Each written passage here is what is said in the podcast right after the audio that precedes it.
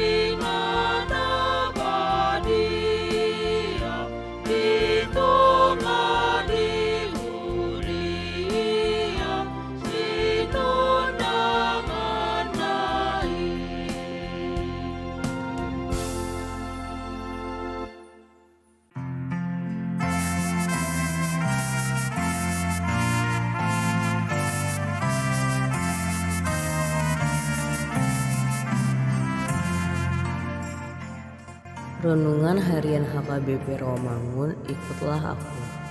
Selasa 14 Februari 2023 dengan judul Kesabaran yang mampu mengampuni. Bacaan kita pada pagi ini tertulis dalam 1 Korintus 10 ayat 1 hingga 13. Bacaan kita pada malam ini tertulis dalam 1 Petrus 3 ayat 13 hingga 22 dan kebenaran firman Tuhan yang menjadi ayat renungan kita hari ini tertulis dalam Kolose 3 ayat 13 yang berbunyi Sabarlah kamu seorang terhadap yang lain dan ampunilah seorang yang akan yang lain apabila seorang menaruh dendam terhadap yang lain. Sama seperti Tuhan telah mengampuni kamu kamu perbuat jugalah demikian Sahabat ikutlah aku yang dikasihi Tuhan Yesus.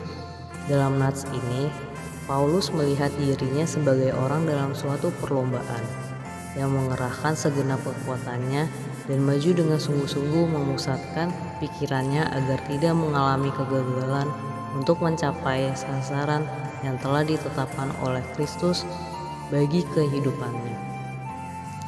Kesatuan sempurna Paulus dengan Kristus, keselamatan sempurna, dan kebangkitannya dari antara orang mati. Inilah tujuan hidup Paulus. Ia telah melihat sekilas kemuliaan sorga dan telah memutuskan bahwa dengan kasih karunia Allah, seluruh kehidupannya akan berpusat kepada tekadnya untuk maju terus agar pada suatu hari ia akan mencapai sorga dan berhadapan muka dengan Kristus. Tekad seperti itu perlu untuk kita semua.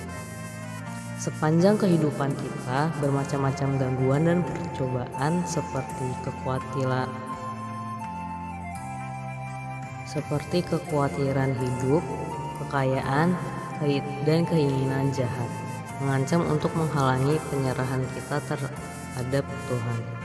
Yang kita perlukan adalah melupakan apa yang telah di belakang, yaitu dunia yang jahat dan kehidupan lama kita yang berdosa, dan mengarahkan diri untuk keselamatan yang sempurna dalam Kristus. Ada banyak cara yang diajarkan orang untuk mengendalikan kemarahan. Namun, orang percaya telah dimiliki, memiliki modal untuk bersabar. Kita adalah manusia baru yang dituntut dari kita adalah tidak menanggapi hasrat keduniawian. Sebaliknya, Kita berjuang untuk terus diperbarui di dalam hidup baru kita. Oleh kasih Kristus, kita dimampukan untuk saling mendahului meminta maaf dan memaafkan. Karena Tuhan sudah lebih dahulu mengampuni dosa kita. Kalau ada orang yang selalu membenci kita, biarkan saja karena Tuhan akan bertindak kepadanya dan kita tidak perlu membalasnya. Amin. Marilah kita berdoa.